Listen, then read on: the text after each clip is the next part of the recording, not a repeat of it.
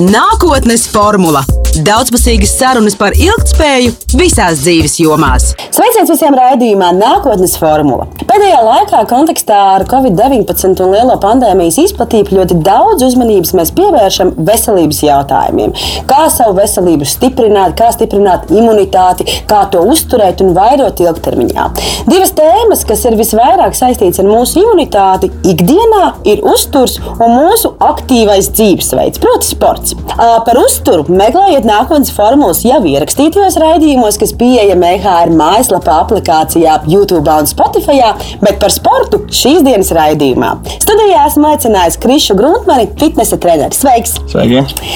Līdzīgi kā par uzturu, arī par sportu man šķiet, nu, cik cilvēku, treneru, teoriju, tik arī viedokļu un kādā ziņā es pieļauju, ka ir diezgan grūti norientēties, ar ko tad vispār sākt, kā tad atrast to savu sporta veidu un ko tad man ar to savu ķermeni darīt tā, lai patiešām es būtu stiprs, varētu labi strādāt, labi domāt, justos enerģijas pilns un galā arī stiprināt savu imunitāti, kas pašlaik ir ļoti būtisks un svarīgs jautājums. Kas būtu tavs, varbūt tās mūsu sarunas iesākumā, tāda orientieru karte vai teiksim, tāda pareizā sava ceļa meklēšanas teiksim, tā, iespēja? Nu, ar ko vispār sākt domājot par sevi un to, ko tad es fiziski varētu darīt? Mm -hmm. Jā, īstenībā par tiem viedokļiem tā arī ir. Kad, nu, es vienmēr esmu arī teicis, ka nu, ļoti svarīgi ir izvēlēties, skatīties, kādu, izv... kādu, kādu viedokli mēs izvēlamies. Un tā doma ir tāda, ka nu, nevienmēr arī būs tā, ka kāds teiksim, bodybuilders draugs nodarbojās ar sportu, viņš iedos savu viedokli, varbūt smalkākai sievietei. Tas nebūs tas varbūt pareizākais konkrētajam gadījumam. Tad, tādēļ, principā, tas vienmēr izvēloties sev vajadzīgo. Nu, piemērotāko to sporta veidu vai arī aktivitāti, ir nu, svarīgi saprast, kas ir tas, eh, tas mērķis, varbūt, ko mēs īsti gribam darīt un kas varētu iekļauties mūsu ikdienā. Tas ir liekas, nu, ļoti būtiski, lai nav tāds tā kā, nu, izdeg, iz, izdegšana, ka mēs sākam nodarboties ar vienu kaut kādu aktivitāti un, un, un tad pārmetamies kaut kur citur. Tomēr nu, skatīties, kas ir reāli iekļaujams mūsu dzīvē un kāds ir tas mērķis, ko mēs gribam no tā visa izvilkt ārā. Ar kādiem mērķiem cilvēki pie tevis nāk un viņi vispār ierodās fitnesa centros? Principā dažādi īstenībā nu, man personīgi sanāk strādāt arī, cik esmu bijušais sportists, man ir sanācis strādāt liela daļa arī profesionāli sportisti. Tā ir gan nu, bijusi atsevišķa kategorija.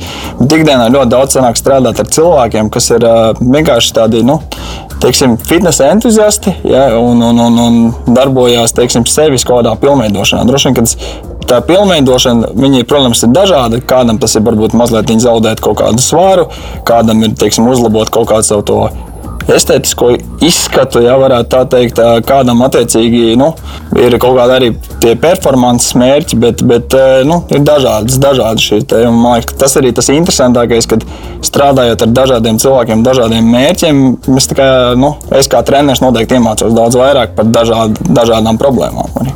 Kas ir tās varbūt biežākās kļūdas, ko cilvēki pieļauj izvēloties savu sporta veidu un savu sporta režīmu vispār? Es domāju, ka tas ir tas, ko es arī pieminēju, ka nu, nav, nav teiksim, tas sabalansēts ar, ar to dzīves ritmu, kad cilvēkam, pieņemsim, nu, mājās ir bērni darbs ir no tikiem līdz tikiem. Tad, ja tur bērns jāizņem no bērnu dārza, nu, ne, neiet tās lietas kopā un tad mēģina ielikt kaut ko vēl iekšā.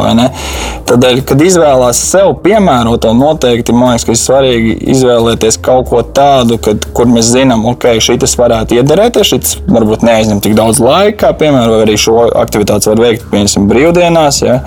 Un, un, un, un sākt ar to, un tad jau mēģināt lēnām, lēnām apaudzēt. Jo, ja mēs metīsimies uzreiz visā iekšā uz, uz 100%, tad man liekas, ka tāds izdegšana vien var sanākt no tā visa.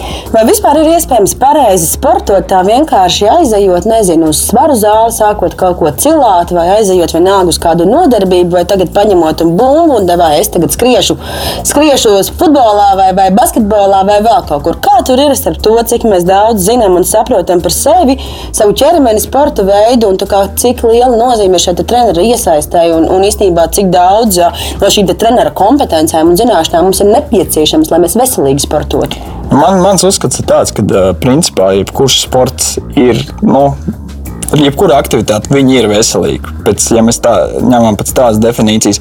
Bet, protams, ka arī nu, nepareizi darot kaut kādas lietas, pārspīlējot un, un, un teiksim, nedomājot arī līdzi, ko mēs darām, mēs varam kaitēt sev. Tas ir, es domāju, ka visi to zina un visi, visi to saprot. Bet, nu, teiksim, ejot uz sporta zāli, ja mēs ņemam tādu klasisko sporta zāli, kur ir trenižieri, dažādi trenižieri jau pēc idejas viņi nav kaitīgi. Tomēr tur tādas izolētas kustības ir, vai ne? Un viņas ir nu, salīdzinoši, tur nevar baigi neko sačakarēt.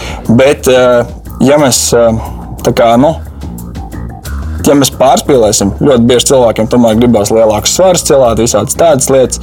Uh, ja mēs pārspīlējam ar svaru, tad jau tas sāk palikt, protams, nu, teiksim, riskanti.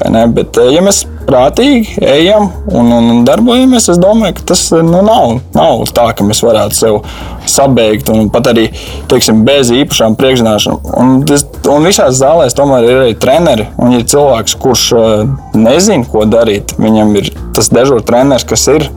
Viņam trenerim ir pienākums tomēr paskaidrot, vai ne? Protams, parādīt, paskaidrot, un tā, lai cilvēki tomēr mēs jau arī esam kā treneri ieinteresēti, lai cilvēki darbotos droši, lai neviens netraumētos un, un tādas lietas. Tieši jau pieskāries man arī nākamajai tēmai par, par to slodzes sabalansēšanu. Ja man šeit arī ļoti bieži tajā motivācijā ar to, ka tu saņemies kaut ko darīt un, un nesaņemies kaut ko darīt, ja tur tādi pārāvumi. Mēs, kā saka, 1. janvārī vienmēr visi apņemamies dzīvot veselīgāk, varbūt nomest kādu lieko kilogramu, kaut ko izdarīt pareizi. Tad mēs saņemamies drosmi, nopērkam to abonementu, kādu mēnesi vai pāris ļoti aktīvi ejam, tur trīs reizes nedēļā un kārtīgi visu cilājam, ko cik vien daudz varam pacelt, un vēl kaut kas, pēc tam atkal kaut kāds pārāms, pēc tam iespējams atkal atgriežamies pēc šiem procesiem. Kā sabalansēt šo svaru, regularitāti, ja ko mēs varam vispār ar savu ķermeni darīt? Nu, tas tas balans jau, balans jau tiešām jāmeklē ir tajā, kad kas droši vien jāpazīst savs ķermenis diezgan labi. Un, uh, viegli pateikt. viegli, viegli pateikt, jā, grūtāk ir izdarīt. Un, un te ir to, ko es jau pirms tam pieminēju. Nu, mēs nevaram ielikt kaut ko sev klāt, jā, bet tajā pašā laikā tas varbūt ietekmēs mūsu citas prioritāras lietas. Jā, kā pieņems, nu, sākot atkal darbs, ģimene un, un visiem ir nauda jāpelnā mājās. Par vai no otrajām pusītēm bērniem par, par to visu jārūpējas. Tas vienmēr, vienmēr nāks primāri.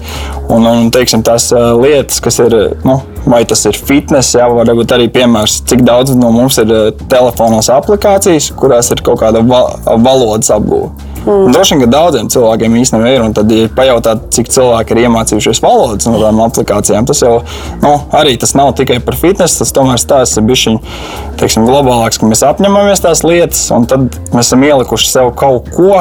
Ko mēs nevaram līdz galam izpildīt, tad mēs esam bijuši vīlušies sevi, un tad mums ir tāds nu, tā viļņveidīgi, tad mēs atkal apņemsimies, nē, es tomēr pierādīšu, nu, tad tas sanāk šūpoles turp atpakaļ. Bet, ja mēs to darām teiksim, bišķiņu apdomātāk un pasperam to solīti atpakaļ. Un varbūt sākam mazliet viņu, teiksim, nu, to soli pa solim. Ja mēs sākam nevis mainīt uzreiz uzturu, sākt sportot ar 1. janvāri un, un, un, un vēl kaut kādas lietas likt klāt, ja, tad varbūt sākam pamazām, teiksim, varbūt uh, uzturu ziņā nu, tikai kaut ko pievērsīšu uzmanību savām brokastīm. Ja. Pirms tam es viņas vispār nēdu. Varbūt uh, enerģijas līmeņi bija galīgi, teiksim, nu, nebija tās enerģijas. Varbūt jāsāk tās brokastis, jāapskatās, kā tu jūties. Tas pats jau arī ar sportu. Nu, varbūt jāsāk mierīgāk, uh, varbūt ir. Uh, nu, Visu laiku ir tas klišejs, tas skan, tur ejam pa trepēm augšā, ejam pastaigās ārā, visas tās lietas. Nu, Ar to var sākt. Jā, bet uh, var arī aiziet uz sporta zāli. Bet aiziet vienreiz uz to sporta zāli. Nav jau varbūt uzreiz jāmetās, uzreiz gada abonements jāpērk un jādomā, ka mēs tādā veidā sev kaut kādā veidā piespiedīsim. Vienkārši mierīgi, lēnām, solīt pa solītam. Kurā brīdī sporta treniņš rada enerģiju un kurā brīdī rada nogurumu? Man liekas, tā ir tāda interesanta arī kaut kāda, jo no vienas puses, kā mēs to enerģiju tērējam, tas ir normāli, ka mēs nogurstam, tā pašā laikā mēs paskatāmies uz mūsu ikdienas darba rutīnām. No nu, ļoti daudz tam nevar atļauties. Man to enerģiju vajag bonusā, Aha. nevis vēl notērēt. Un, kā jūs teicat, pārgurušam, izstāstiet, kur veidojas tas nogurums un kādā veidā nogurumu pārvērst par to, ka mēs gūstam enerģiju no tā sporta. Nu, principā jau nu, tāds mans, mans redzējums jautājums ir, nu, teiksim, ja mēs pārspīlējam kaut ko atkal, ja, tad, nu, pieņemsim, ir kaut kāda fiziska aktivitāte, vienalga, es izdomāšu 20 minūtes, tagad skrietīs, skriešu uz maksimumu, skaidrs, ka to enerģiju zaudējuši, un viņi būs nu, ļoti sagurs vēlāk. Būs ilgāk laika, lai atjaunotos tikai tās intensitātes, kurā esmu darbojies. Bet, eh, ja mēs to darām savā ziņā mēreni, tādu, nu, teiksim, sev piemērotā ritmā, kur atkal ir viegli pateikt, nevienmēr viegli tiešām saprast, kurš ir tas mūsu piemērotais ritms.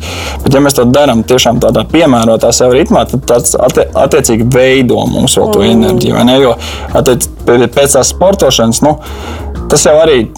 Mēs arī pieskārāmies pie tādas nu, med, med, meditācijas savā ziņā. Kādam sportiskā aktivitāte varētu būt tāda kā meditācija. Tas palīdz viņa smadzenē atbrīvoties. Tas arī mm. to enerģiju mums iedod. Es pats arī nu, Kaut vai, ja mēs ņemam to pašu skriešanu, iziet ārā, paskriet, ja, elpošanas ceļu atbrīvojas. Tas jau arī nu, tomēr bija šī tā kā teiksim, to, to, kā lai pasakā, to, kas mums ir sakrājies iekšā, iziet uz āru. Ja mēs nepārspīlējam ar to intensitāti, tas nav maksimālās intensitātes kaut kādas slodzes, tad es domāju, ka nu, tā enerģija jau vajadzētu, vajadzētu nākt atpakaļ. Kas ir tās sportošanas aktivitātes, kur, kuras mums būtu jādara ar mērķi stiprināt mūsu imunitāti? Tagad mēs visus iespējamos mērķus šīs sarunas laikā nepārunāsim, bet man šeit tiešām būtisks jautājums pašlaik ir būt stipriem uh, situācijā, kad mums, kā saka, visādi ne tikai, ne tikai covid, bet arī visa gripas epidēmija un viss pārējais. Nu, rudens vienmēr ir, ir periods, kurā cilvēki slimo. Un tad kas ir tās tie sportošanas veidi un tie fiziskās aktivitātes veidi, kas mums palīdz stiprināt imunitāti? Jā, principā tā ir atkal tieši tas pats stāsts. Ja mēs pārslogojam savu ķermeni, ja mēs ejam kaut kādā teiksim, pāri tam slieksnim, kuram mēs, mēs principā jau tā kā to, tiem vīrusiem atveram tos, tos, tos vārdus, lai viņi nāktu nu, pie mums iekšā. Un, un, ja teiksim, tas netiek uh, darīts viss tāds mēreni, uh, mēreni teiksim, un pareizi un apdomāti, tā imunitāte nu, tiek grauta tieši, tieši otrādi. Lai stiprinātu imunitāti, mums principā ir svarīgi turēties zem tā savu kaut kādu. Angliski saucamā kā threshold, ja mēs zem tās līnijas, zem, zem tās līnijas turamies, turamies, mēs nepārspīlējam, mēs nedodam nekādus, nekādus iemeslus nākt sevi iekšā tiem vīrusiem un, un teiksim, papildus slimot.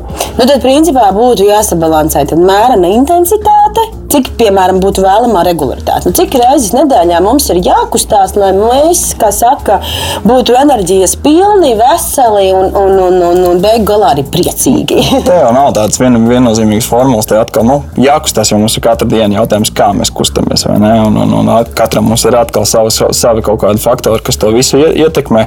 Bet, ja mēs runājam par kaut kādām fiziskām aktivitātēm, tad eh, nu, te arī tas stāsts, kādam ir desmit minūtes dienā laiks pasportot, vai ne? Kādam ir, ir tā stunda, ko viņš var aiziet uz sporta klubu, kādam varbūt ir divas stundas. Tā ir nu, jāskatās, tas ir individuāli, bet nu, es domāju, ka kaut kāda veida mērena tāda aktivitāte kaut vai neilgi, tomēr ir jāskatās katru dienu. Protams, nevienmēr tas būs iespējams. Viņš arī mums ir jāpaslinko katru reizi un eh, brīvdienās pa mājām jāpadzīvojas. Tā, bet, nu, es domāju, ka sporta kluba apmeklējums divreiz, divas reizes, trīs reizes nedēļā, nu, tas, ir, kā, tas jau nav nekas tāds pārspīlēts. Protams, ka daudz teiks, jā, man nav laika, es nevaru atrast sev stundu laiku, bet eh, ne par to ir stāsts. Ir arī īstenībā, es vienā mākslinieka grāmatā to lasīju, tagad precīzi neatcerēšos, uh, kur bija ļoti labs piemērs, kur cilvēks gāja, tas, tas varbūt kādam liksies muļķīgs piemērs, bet viņš gāja uz sporta zāles piecām minūtēm mm. tikai lai veidotu sev to ieradumu. Tad viņš aiziet uz sporta zāli. Burtiski tur neizdara neko, pastaigā pa skrejceļu, aiziet prom. Bet viņam veidojas tas ieradums, ka viņš iet uz sporta mm. zāli, iet, iet uz sporta zāli, iet uz sporta zāli. Un pēc tam jau viņš atrod sev to laiku pagarināt. Tad, tad attiecīgi, vēlāk jau tā ir kaut kāda 20 minūtes, pusstunda. Tas ir, protams, tāds muļķīgs piemērs, kā, bet nu, savā ziņā kādam tas arī varētu strādāt. Bet katrā ziņā tiem ikdienas treniņiem, nu, kā, piemēram, aiziet uz sporta zāli pusstundu, tad tas pat varētu būt ok. Jā, kāpēc nē? Nu, ja pusstundā īstenībā var ļoti daudz ko izdarīt. Attiecīgi arī nu, kāda ir tā programma un, un, un ko mēs darām. Ja mēs, ja mēs atnākam un, un pusstundu tikai skatāmies apkārt, un skaidrs, mēs neko neizdarīsim. Bet, nu, ja mums ir kaut kāda treneris, pieņemsim, ir iedevis kaut kādu iesildīšanās rutīnas piecām minūtēm, tad mēs varam teiksim, salikt kaut kādu vingrinājumu kompleksu, kas aizņem 20 minūtes. Tad, nu, attiecīgi, rekrutā plus mīnus pusstunda arī ir. Tad es domāju, pusstunda ir diezgan, diezgan ok. Kā ir ar sporta veidu dažādošanu? Nu, piemēram, es, nezinu, es tur tikai staigāju. Ja? Nu, tas ir mans fiziskās aktivitātes veids, vai es tikai skrienu. Vai ir pietiekami, ja mēs piemēram paskatāmies tur nedēļas vai mēnešu kontekstā, ja mana rutīna ar fizisko aktivitāti pašā ir balstīta vienā veidā, kā es sevi nodarbinu? Uh, nu, principā jau mēs tīri labi varam arī iztikt vispār bez sportošanas, vai ne? Bet tas ir atkal tas stāsts par to, kādu funkciju mēs sev, sevī gribam nodarbināt. Nu, ko, ko mēs no sevis gribam arī izspiest. Uh, ja mēs nodarbojamies tīri ar vienveidīgu sportu, piemēram, ir cilvēki, kam patīk skriet, nu, tas būs labāk nekā neskriet. Ne? Bet Tad droši vien tas stāsts arī par to kaut kādu specializāciju vienā kaut kādā jomā. Skaidrs, ja mēs specializējamies vienā jomā, tad kaut kas cits dabūna bišķi ciest. Ja mēs esam vispārīgi, tad mēs nevaram specializēties tajā vienā jomā. Un tad, attiecīgi, izējot no tā cilvēka mērķa, ja, ir, ja viņam mērķis ir, teiksim, nu, nosacīt arī teiksim, amatieru līmenī, būt labam skrējējam, viņš var specializēties. Skaidrs, ka tomēr vajadzētu arī nu, kaut kādus spēka treniņus, eh, pielikt tam visam klāt, bet viņš būs labs skrejējs. Ir attiecīgi cilvēki, kam patīk dažādas aktivitātes. Tas pats arī nu, sporta spēles. Varbūt viņš neskrēja vispār, bet viņš uzspēlē futbolu, viņš aiziet uz treniņu zāli, pacelā kaut kādas svarus. Un, nu, viņš it kā ir daudzpusīgāks, bet viņš nebūs. Uh, labs skrejējs. Mm. Tā, tāpēc, ka viņš ceļ svarus vai paskrien tikai futbolā. Nu, tas ir tāds dažāds specifiks. Bet es domāju, ar to mēs arī cilvēki esam interesanti, ka mums katram jau ir savs. Kas ir tas, kas cilvēkam ir svarīgākais? Nu, teiksim, ja mēs paņemam tādu, nu, jo lielākoties, ja jau tas cilvēks ir atradzis kaut kādu veidu, tad kā viņš sevi fiziski nodarbina, tad jau tas ir stāsts vairāk vai mazāk par rutīnu, par slodzi, par regularitāti un pārējām lietām. Bet, nu, vismaz, vismaz manā, kā saka, burbulī, kurā es dzīvoju, tur pašlaik ir, ir, ir tā problēma, ko tu minēji, ka laika nav un citas prioritātes un vienkārši atrast laiku sev un sportam. Tā liekas tā kā pilnīgi neiespējamā misija. Kas Tavuprāt, ir teiksim, nu, nezinu, cilvēkam, kam nav ne tur muskuļu mērķi, ne varbūt tās arī tur baigie tur svara zaudēšanas mērķi, bet tāda nu, vesela ķermeņa, tā kā tie, tie labākie sporta veidi, nu, kas palīdz tur stiprināt iekšējo muskulatūru, kas tur palīdz noturēt mugurkaulu, ja teiksim, cilvēkiem, kam ir sēdošs darbs un tā tālāk un tā joprojām, kā saka, tās biroja darba traumas. Jā kuri sporta veidi palīdz vienmērīgi trenēt visu, gan iekšējo, gan ārējo ķermeni. Bet eh, tie ir par sporta veidiem tieši. Par sporta veidiem arī, arī tas, ko var darīt zālē, Jā. kas varbūt tās ir tāda pieejamāka lieta. Nē, nu, es domāju, ka eh, principā jau tā sporta zāle arī, nu, ja mēs atkal ņemam lielākā daļa tomēr cilvēki ir tādi, kas, kam nu, tā specifikācija nav vajadzīga. Viņi nav ne profesionāli sportisti, kuriem ir vajadzīgs rezultāts no tā. Skaidrs, ka ir cilvēki, kas, kas nu, pieņemsim, bodybuilding, jā, ļoti svarīgi, kā es izskatos. Mm. Skaidrs, ka visiem cilvēkiem gribās izskatīties pēc iespējas labāk, vai ne, priekš, priekš sevi. Bet uh, lielākā daļa tomēr sporto. Nu, gan tā izskata dēļ, lai labi izskatītos, bet tomēr savai veselībai. Ja, ja cilvēkam pajautā, kāpēc tu dari, mm. viņš teikt, lai man būtu veselība viss kārtībā. Tad, nu, tas, tas fiziskās aktivitātes, teiksim, viens sporta veids, kurš vislabāk, nu, tas atkal nu, droši vien, ka nevienā jomā nevar tā pateikt, ok, šis dari tikai šito un tev viss būs dzīvē kārtībā. Kāda ir piemēram peldēšana? Peldēšana ir ļoti laba.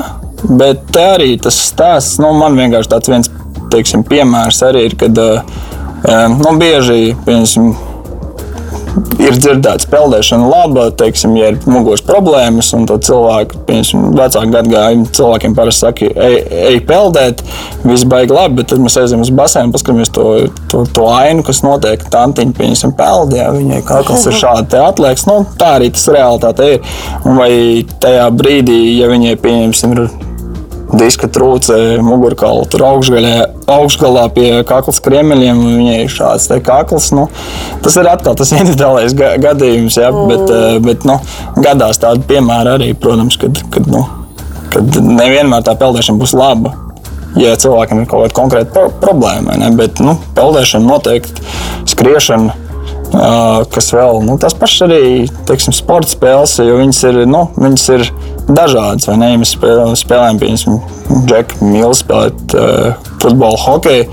Tur sanāk paskriet vai ne, palikt kaut kādas tādas lietas. Ja cilvēks ir vesels un, un viņam nav ceļgala traumas vai kaut kādas tādas lietas, tad, tad kāpēc nē? Bet, uh, nu, es domāju, ka Tāpēc arī ir sporta, sporta zāles, skriešanas ir tik populāras. Nu, tāpēc, tas ir tādas universālas lietas, kas principā dara visiem. No, protams, pielāgojot intensitāti. Kā tu skaties uz grupu nodarbībām? Uh, ja cilvēki nāk un pēc vieniem kaut kādiem principiem, teiksim, visi kopā sporto, nu, teiksim, tas, ko arī piedāvā lielākoties visās fitnes zālēs un, un vēl kaut ko, vai tas ir ok?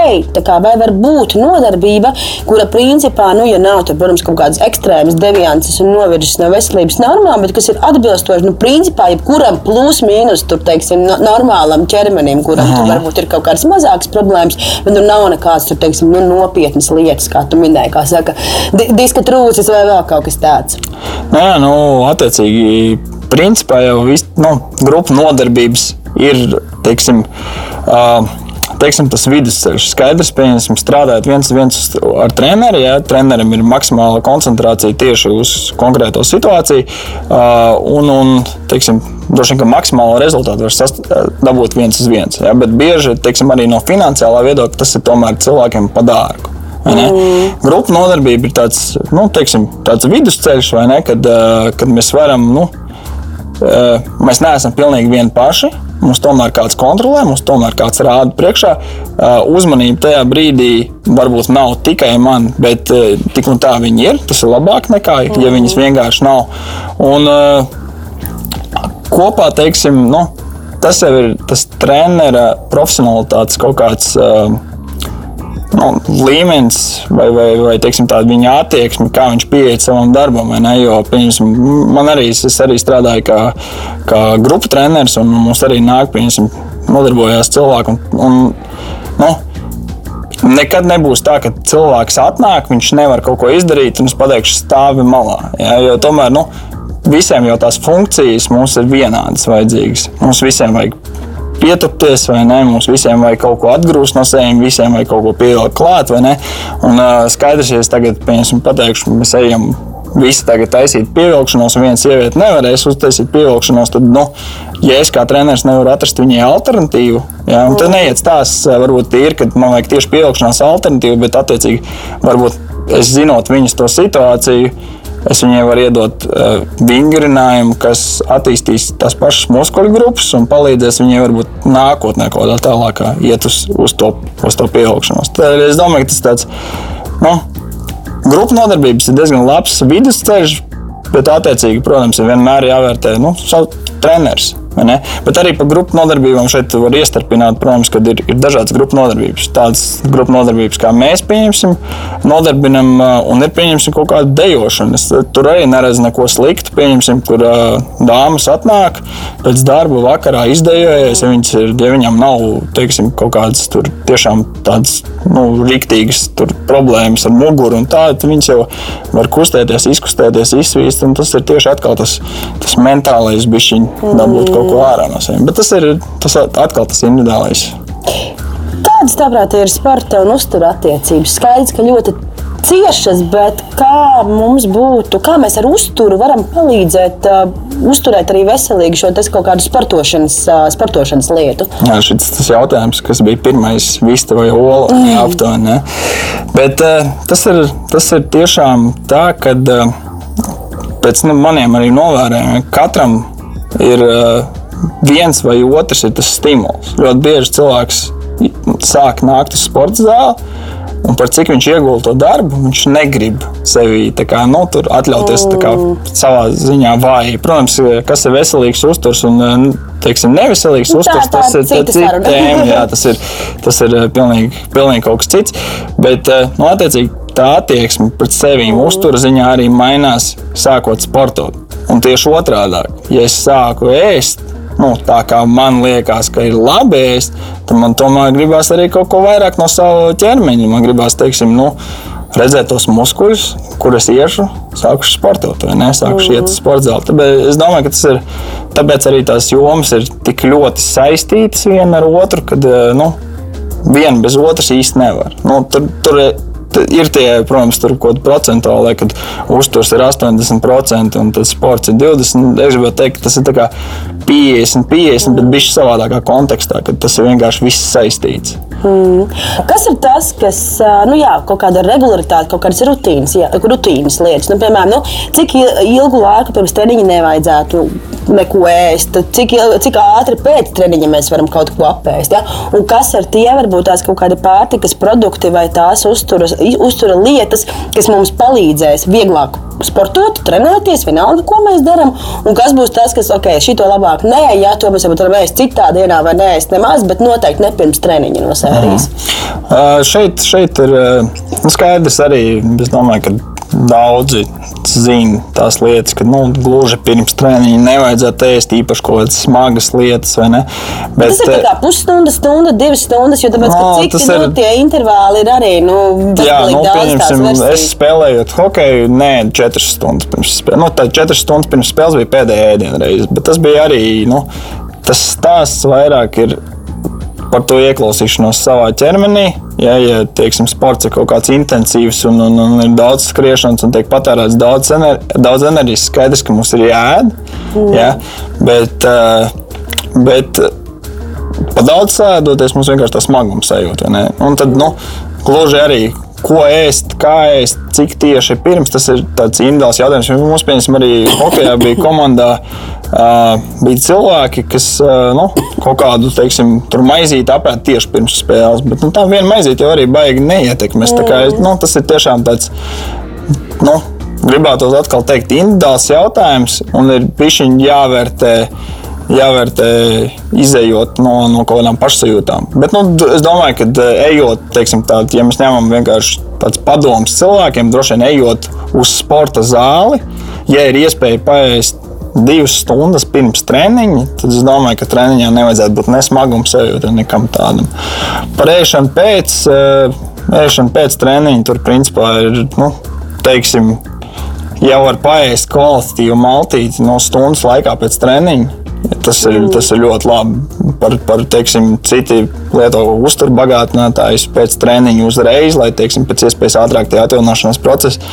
Bet, eh, nu, tas nav obligāti. Ja stundas laikā mēs varam paēst, es domāju, ka labāk, labāk kvalitīvu maltīti nekā pulveris pēc. pēc Es tieši gribēju prasīt par šiem visiem pulveriem un enerģijas batoniņiem un viskaut kādiem. Tur nu, tagad mums ir pulveri pieejami visiem iespējamiem mērķiem. Gan lai audzētu muskuļus, gan lai, gan lai viņus samazinātu, gan lai, gan lai būtu tievāki vai enerģiskāki vai detoksika, deto, detoksikāciju, nezinu, kaut kādu tur pavairot. Vienādi sakot, piedāvājums vairāk kā vispār iespējas to visu pamēģināt. Kā tu skaties uz šo milzīgo industriju, kas viennozīmīgi gaņem, ka no tā visa kaut kas ir arī patiesība. Tā pašā laikā, protams, ka nu, e, vismaz man ir ļoti liela rezistence pret to, jo nu, es saprotu, ka tie ir tās milzīgas kompānijas, kas iegūst milzīgus mārketinga budžetus. Tikai tāpēc, ka man šo lietu reklamē, kā saka, arī e, rītā, pusdienu laikā un vakarā, tas nebūtu nenozīmē, ja, ka, tas ir, ka, tas ir, ka tas ir kaut kas ļoti labs un vajadzīgs. Kā tu skaties uz šo milzīgo fitnesa industriju, kas ir apaugusi nu, ne, ne jau tikai ar, ar, e, jā, ar, ar apģērbu, ko mēs lietojam, lai sportotu, bet nu, jau arī ar daudzām ar uzturu saistītām mm. lietām. Principā, nu, te arī ir tāds divējādi, vai ne? Ir, ir kaut kādas lietas, no tiem atceramies, ka tie pirmkārt uztur bagāti.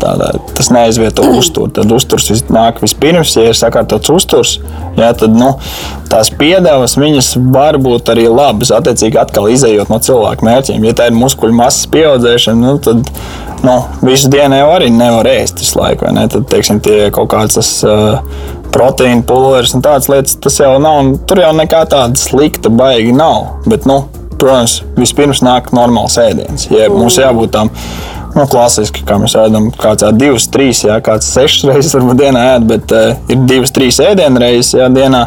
Nu, tas ir tas pamatiņš, vai ne? Un tas, kas nāk klāt, jā, teiksim, ja mums ir augsta fiziskā aktivitāte. Jā. Ir cilvēki, kas eh, nu, sportiski kas trenējas divas, trīs reizes dienā, gatavojoties kaut kādām sacensībām. Nu, viņiem ir vajadzīga tā papildus pārtika. Lielākajai daļai cilvēku bez tā var iztikt. Bet tā arī ir viens bet. Uh, ir lietas, kas cilvēka ķermenim ir nu, ir svarīgas un ir vajadzīgas, bet ķermenis nespēj teik, teiksim, sintēzēt. Un, un tādēļ nu, ir tādas lietas, kas nu, droši vien arī mēs daudzi ikdienā lietojam to pašu zivju eļu. Droši vien, kad ir.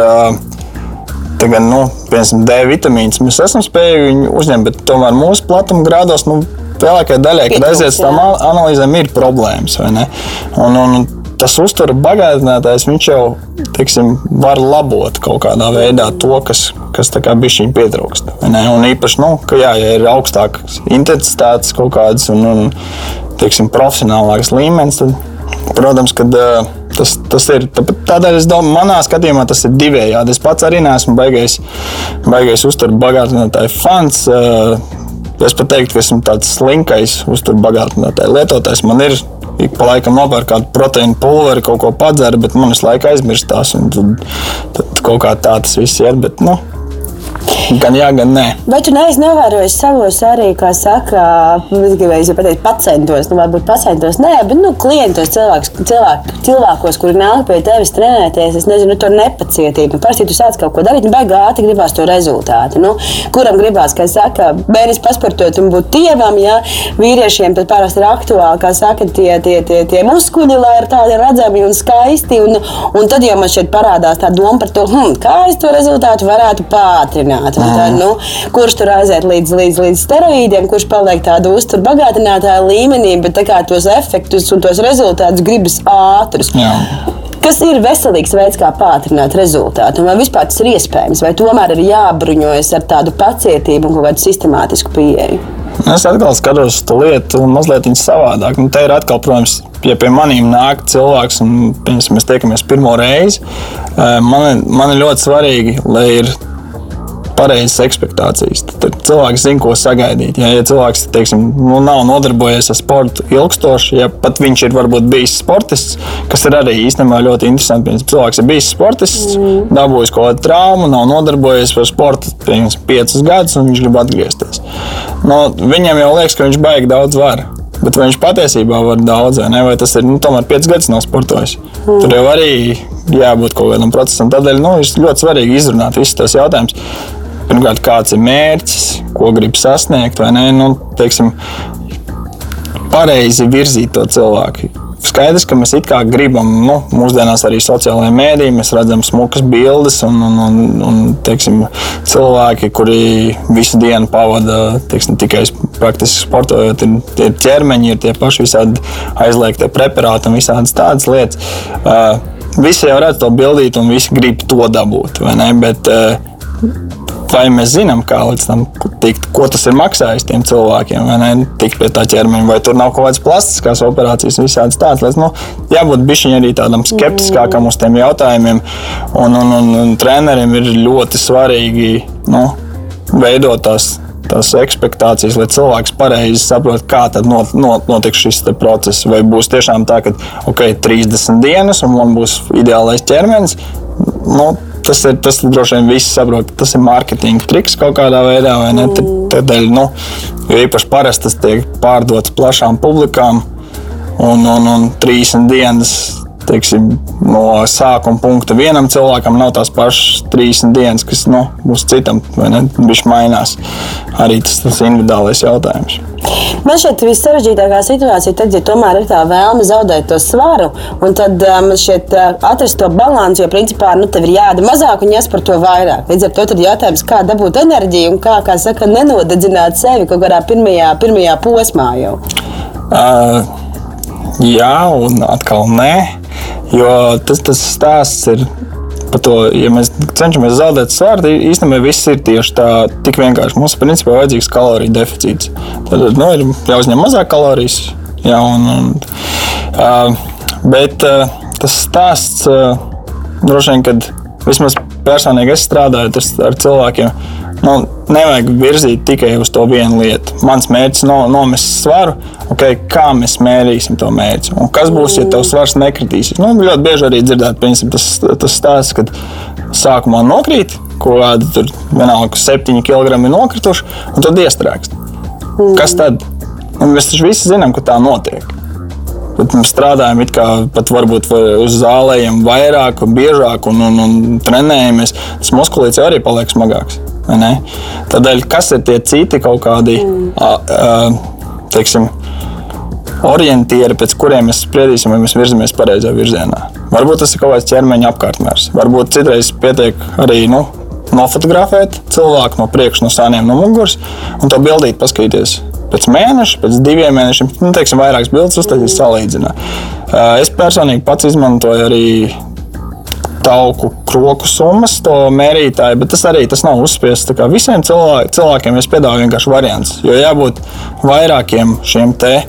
Uh, nu, atskaites punktiem, pēc kuriem mēs vadāmies. Jo mm. svāri neparāda pilnīgi visu. Svāri var melot ļoti, ļoti labi, un viņi ļoti bieži arī melo.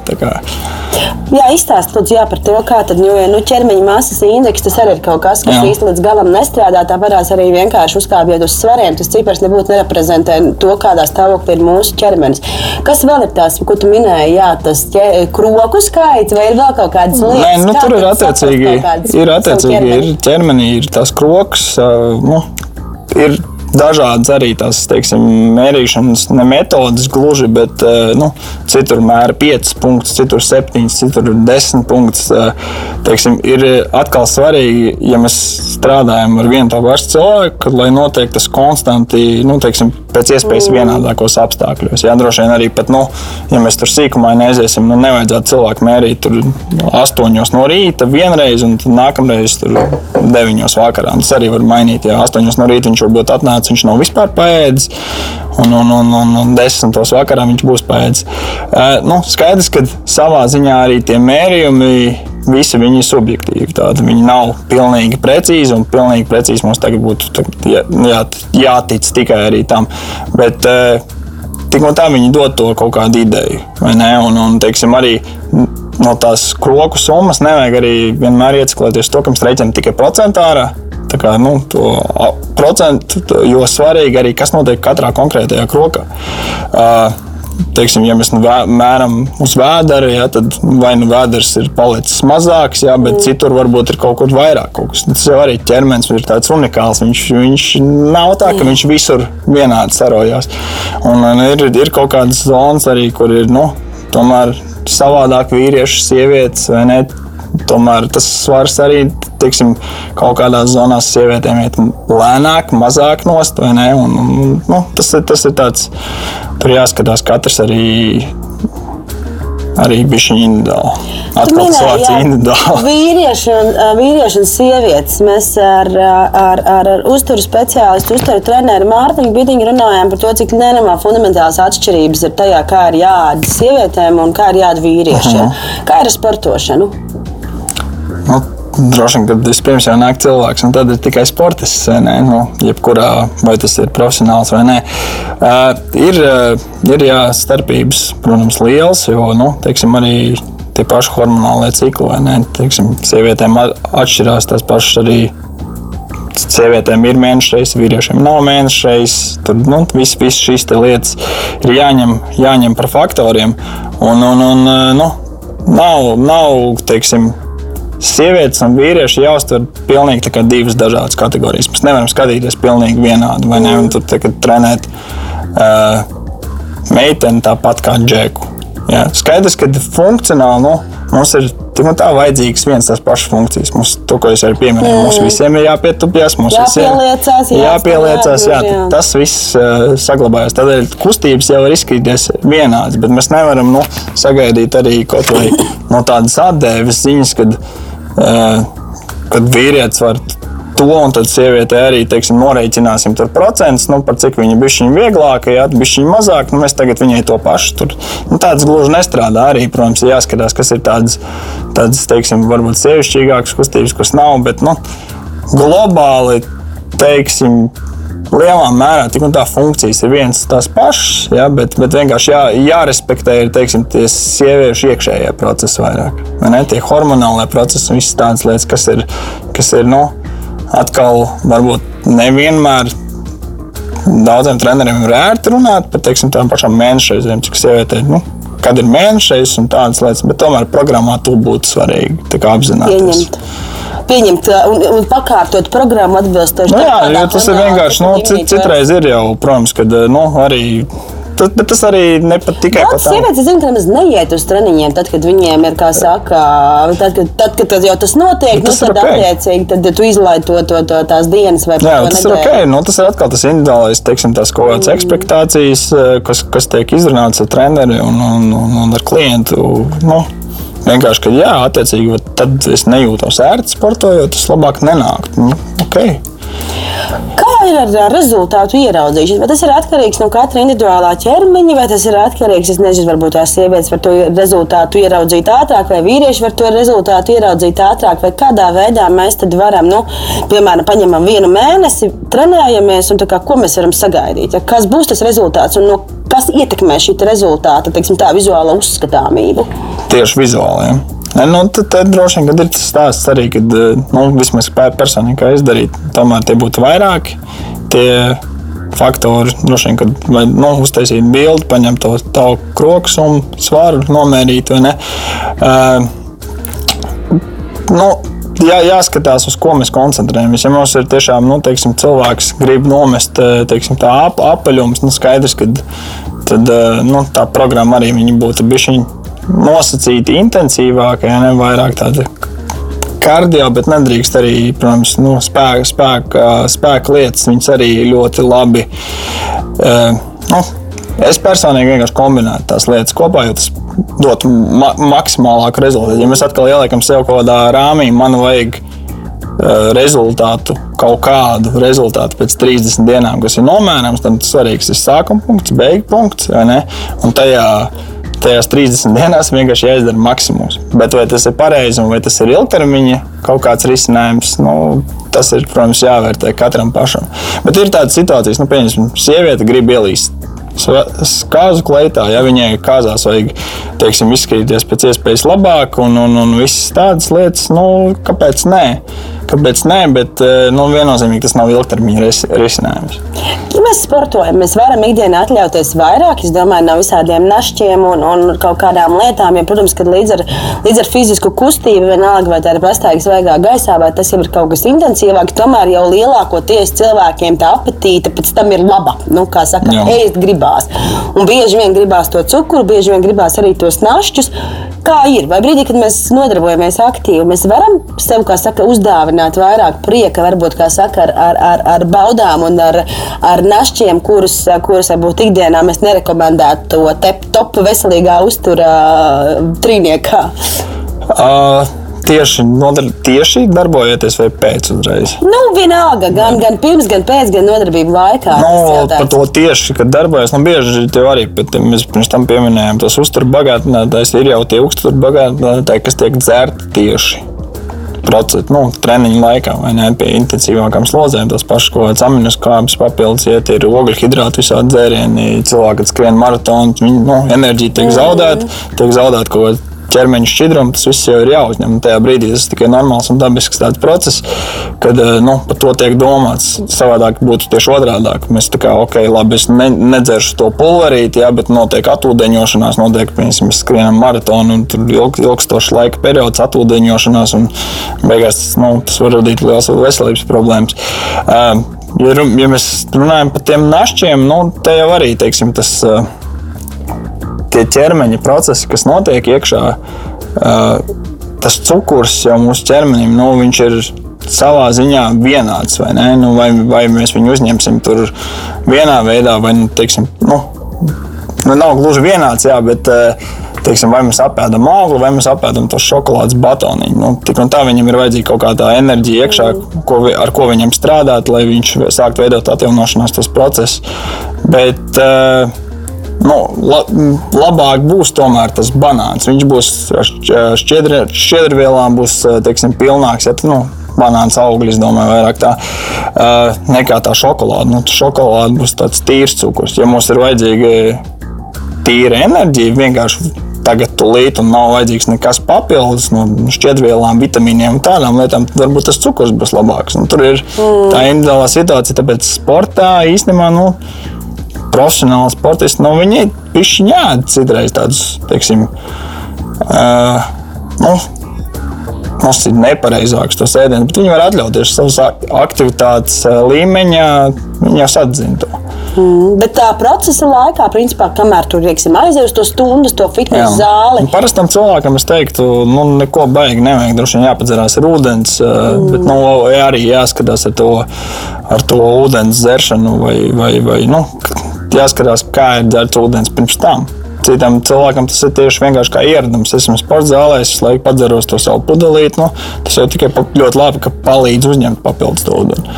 Bet varbūt arī kaut kā jāskatās, varbūt kaut kādi sāļi, minerāli, bišķiņi kaut kas klāt. Nu, kā, bet, eh, nu, tas ir, tas ir tāds nosacīts. Lielākajai daļai cilvēku būs ūdens, būs pilnīgi ok. Katrā ziņā dzeršana, teiksim tā. Uh treniņa laikā vai sportošanas laikā tas ir ok, un tas nekādā veidā nes, ne, neattālinās mūs no vēlamajiem rezultātiem. Es domāju, ka nē, nē kāpēc, kāpēc lai tas attālinātu? Es domāju, ka atkal nu, tas ir tas veselīgais. Veselīgais viens no faktoriem, ka cilvēkam ir jāuzņem ūdens, ja ir teiksim, problēmas. Nu, ļoti daudz nedomā par tādām lietām. Tas arī saprotam, ka nedomā, bet tomēr tas ūdens ir jāuzņem, ik pa laikam ir jāpadzerās. Un, uh, Tas ir, tas vai tas notiek sporta zālē, vai esmu pietiekami dzēris, teiksim, ūdenī. Pirmajā dienas pusē tas jau ir katram kaut kāds individuāli izstrādājies, teiktu, ieradums. Principā, Bet kas ir tas sliktākais, kas, piemēram, var notikt sportojot, tad, ja teiksim, tu esi nepietiekami pāēdis vai nu, drīzāk padzēries? Atūdeņošanās vienkārši. Attiecīgi mēs svīstam, kad mēs, mēs trenējamies, mēs tad svīstam, izvedās kaut kāda sāļa no ķermeņa ārā. Tad, nu, vienkārši... Bet cilvēks var to nejust. Nu, līdz nosacītam brīdim, es domāju, ka vienkārši nu, tas pats jau ir. Tāda analoģija varbūt nu, pirtī mēs sēžam. Tas pats mēs sēžam, svīstam, vai ne sāļi mm. izvedās. Nu, mēs jau varam sēdēt kaut kādu laiku, bet vienā brīdī jau nu, sāk palikt nekomfortabli. Ne? ķermenis uzkarst. Nu, te, te, es teiktu, ka kaut kas līdzīgs. Protams, ka ne pilnīgi tas pats, bet nu, kaut kas līdzīgs. Kā ar augstu ūdeni, gāzētu ūdeni, siltu ūdeni? Kādu labāk dzert treniņu laikā? Nu, droši vien, kad uh, sāksim ar to, ka labāk ir vispār dzert ūdeni, vai ne, ja mēs dzeram. Bet uh, tas ir atkal, kā, kas, kas mums liek justies komfortabli. Jo citreiz dzerot uh, nu, gāzētu ūdeni, man personīgi nav komforts. Nu, liekas, te, ka tie burbulīši beigās arī viņi tur organismā kaut kur ir. Citam nekāda vispār reakcija. Es domāju, ka tas. Vai viņš ir karbonizēts ūdens vai, vai nē, nu, tas tik liela loma tur nespēlē. Kā ar to siltumu augstumu? Ar siltumu augstumu man pat grūti. Nu, attiecīgi, jā, no nu, augsts ūdens vienkārši ķermenis patērē enerģiju, lai sasildītu viņu. Bet uh, nu, silts, silts ūdens, pār, pārāk karsts, nu, droši vien, arī nē. Kaut gan tādā veidā tā kā mazāk malciņu būs. Bet nu, es domāju, ka labāk siltāks. Nu, istabas temperatūras ūdens principā mm. būs visoptimālāk. Par sportošanu mājās. Tagad mēs esam situācijā, ka mēs esam ļoti ierobežoti un vispār tās visas grupu, grupu nodarbības un viss pārējais jau mums tagad ir saka, ar likumu aizliegts. Līdz ar to cilvēkiem, kas vispār grib kustēties un kas kaut ko, kas kaut ko vēlas darīt savas fiziskās veselības labā, tad, tad jautājums, ko un kādā veidā mēs varam darīt mājās. Jo treniņu zālē, kaut vai mēs aizējām, mums tomēr ir specializēts ekipējums, mums ir kaut kāda motivācija, mums ir kaut kāda atmosfēra, mums ir kaut kāds atbalsts no treneriem, kuri mums var kaut ko pateikt. Bet nu, viens pats mājās, nu, ko grāmatas cilāt, es nezinu, vēl kaut ko domāt, ko tu varētu ieteikt, ko var meklēt, ko var darīt, kas ir kaut kas foršs veids, kā mēs mājās nesarežģot savu dzīvi, bet varam nodrošināt kaut kādu daudzveidīgu kustību, teiksim, tā, kompleksus un, un, un, un, un veselīgi trenēties. Principā, teiksim tā, nu, arī mēs visi zinām, ka mājās ir daudz citas lietas, ko var darīt. Tāpēc arī droši vien tas sports nu, nav tā prioritāte. Mājās bērni skraida apkārt, un tur ir jāatrod tas laiks. Daudziem sanāk atrast to laiku, ok, stundiņa man būs, un, un es darbošos. Es varu pateikt, ar, nu, piemēram, teiksim, tā pirmajā pandēmijas vilnī, kad zāles aizvēra pilnībā ciet un ne, nevarēja darboties, mēs piedāvājām diezgan labu online risinājumu tieši saviem klientiem. Bija tā, ka tā arī nu, tas, tas bija sasmējās par tām grāmatām un visām tādām lietām. Mēs sākām arī izmantot tās lietas. Un skaidrs, ka mēs nevaram sagaidīt, ka tagad nu, visam, visiem mūsu klientiem mājās būs hantels un tāds, bet mēs pielāgojam to programmu tā, lai nu, var izm izmantot arī kaut kādu pretestību, lai nav arī vienmuļu. Ar ķermeņa svaru mēs varam izdarīt daudz. Bet, eh, ja tev tas ir jādara divu mēnešu garumā, nu, tomēr sāk vienmuļi tas arī palikt. Tādēļ mēs, lai būtu teiksim, tāda dažādība, eh, kas man liekas, ir ļoti svarīga cilvēkiem, dažādi darboties. darboties sākām visādus nu, mājās pieejamus priekšmetus iekļaut iekšā. Pieņems tās pašas mugursomas, saliekot grāmatiņas, nu, un tad tā tiecīgi taisa dažādas tas vingrinājums. Protams, ka tas, ir, tas nav optimālais scenārijs, bet tas izējot no tām lietām jau ir tāda nu, pielāgošanās. Bet, uh, par tām lietām, ko mēs domājam, ir atkal tās funkcijas. Visu laiku, uh, teiksim, primāri ir nevis nodarbināt konkrēti tricepsa muskuli ja, vai kaut ko tādu, bet tomēr tā ir tā funkcija. Un, nu, no tām funkcijām, ja mēs sākam tādā bišķiņa gaismā jau domāt, var īstenībā ļoti daudz ko izdomāt ja, un, un, un piekļaut jau jau tai, tai programmai arī tos neordināros priekšmetus. Bet nu, droši vien tas limitējošais faktors lielākajai daļai cilvēku darboties mājās tomēr ir tas atrast to laiku. Liek piebilst, ka mājās man šķiet, ir visgrūtāk. Es mājās arī nesportoju. Nu, kā, nu, man, ir, man ir mājās arī man ir paklājiņi divi. Pat mm. divi paklājiņi. Viņi pat ir tādi nu, kopā salikti forši. Tur. Bet, uh, Ar mēram putekļu kārtu.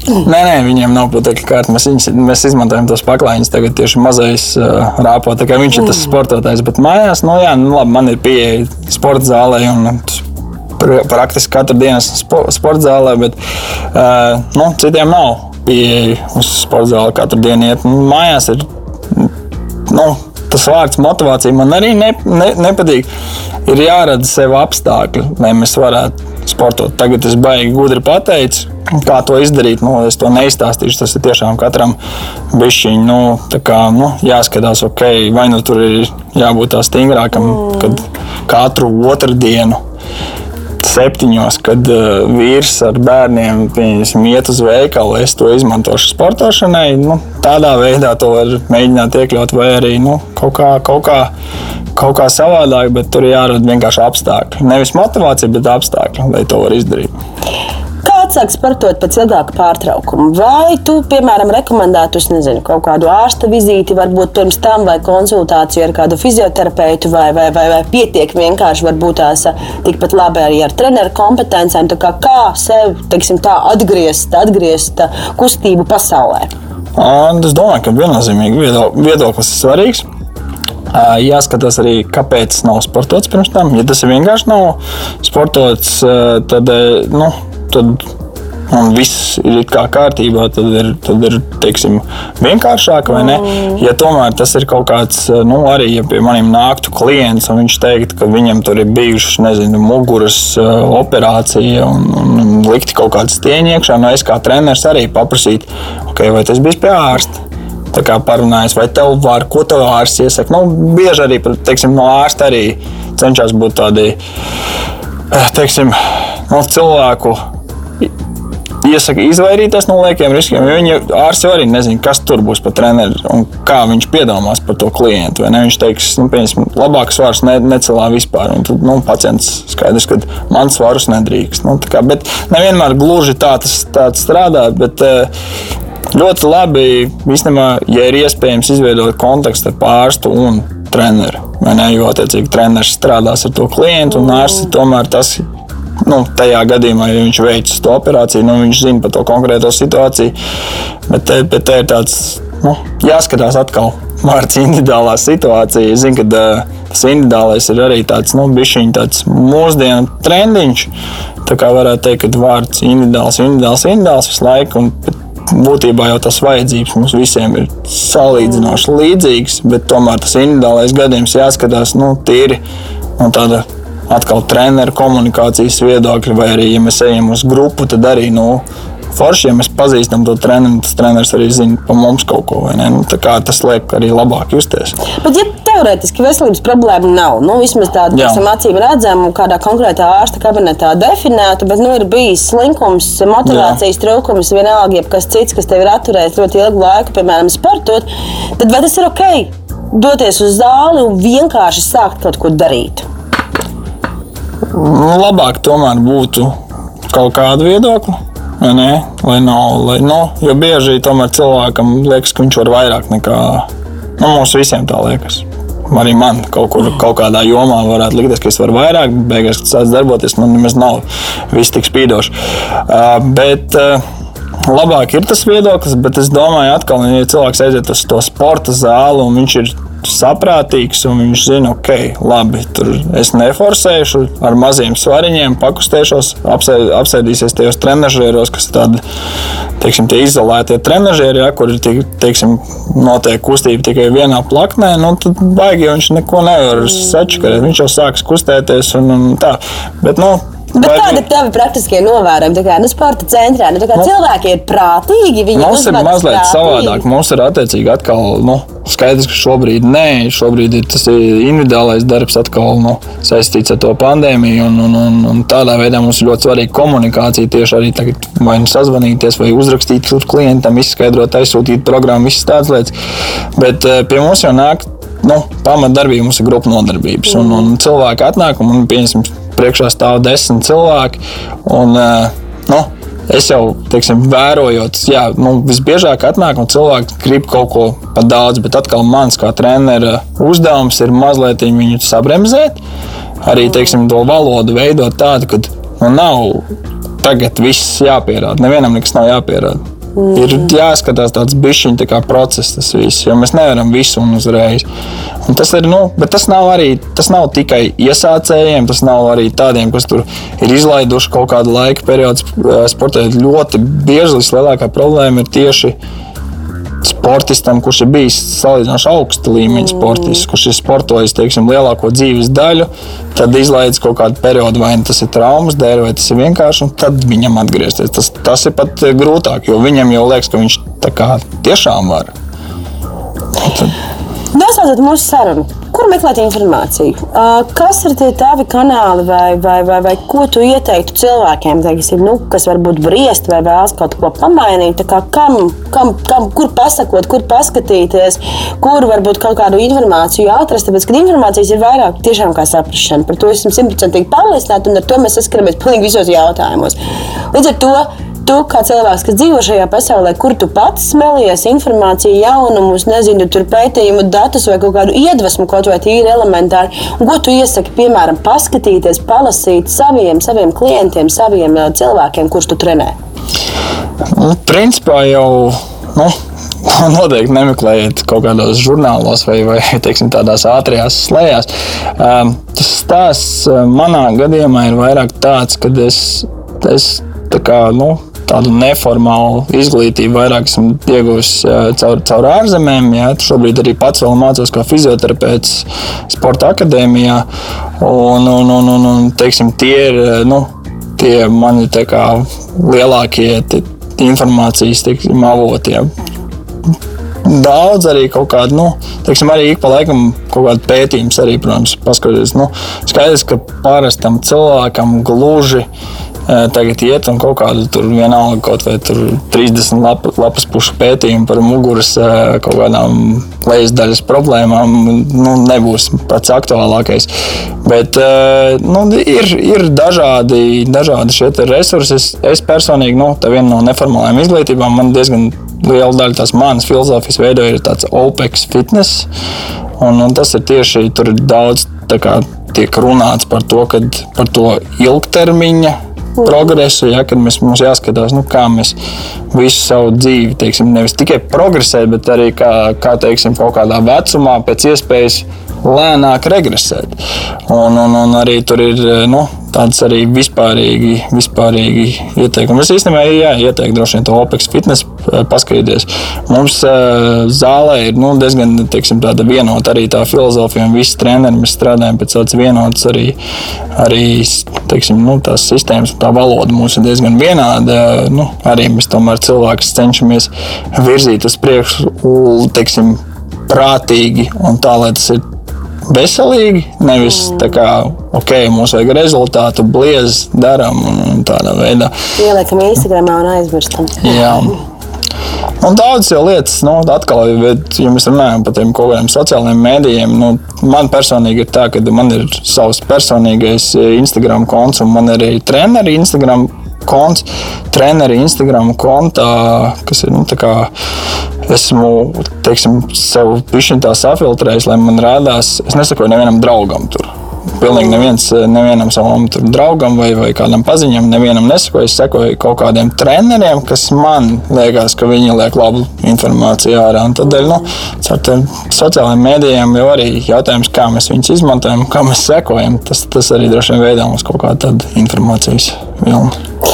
Paldies par šīs dienas sarunu. Uh, Nezinu, noslēdzot mūsu sarunu, kāds ir iedvesmas vārds tā, kādam, kurš varbūt klausās un sen nav izkustējies, vai nevar saprast, ko un kā, kas būtu varbūt tava kaut kāda nezinu, motivācijas atslēga vai iedvesmas atslēga, tomēr saņemties un kaut ko, kaut ko sākt ar savu ķermeni darīt.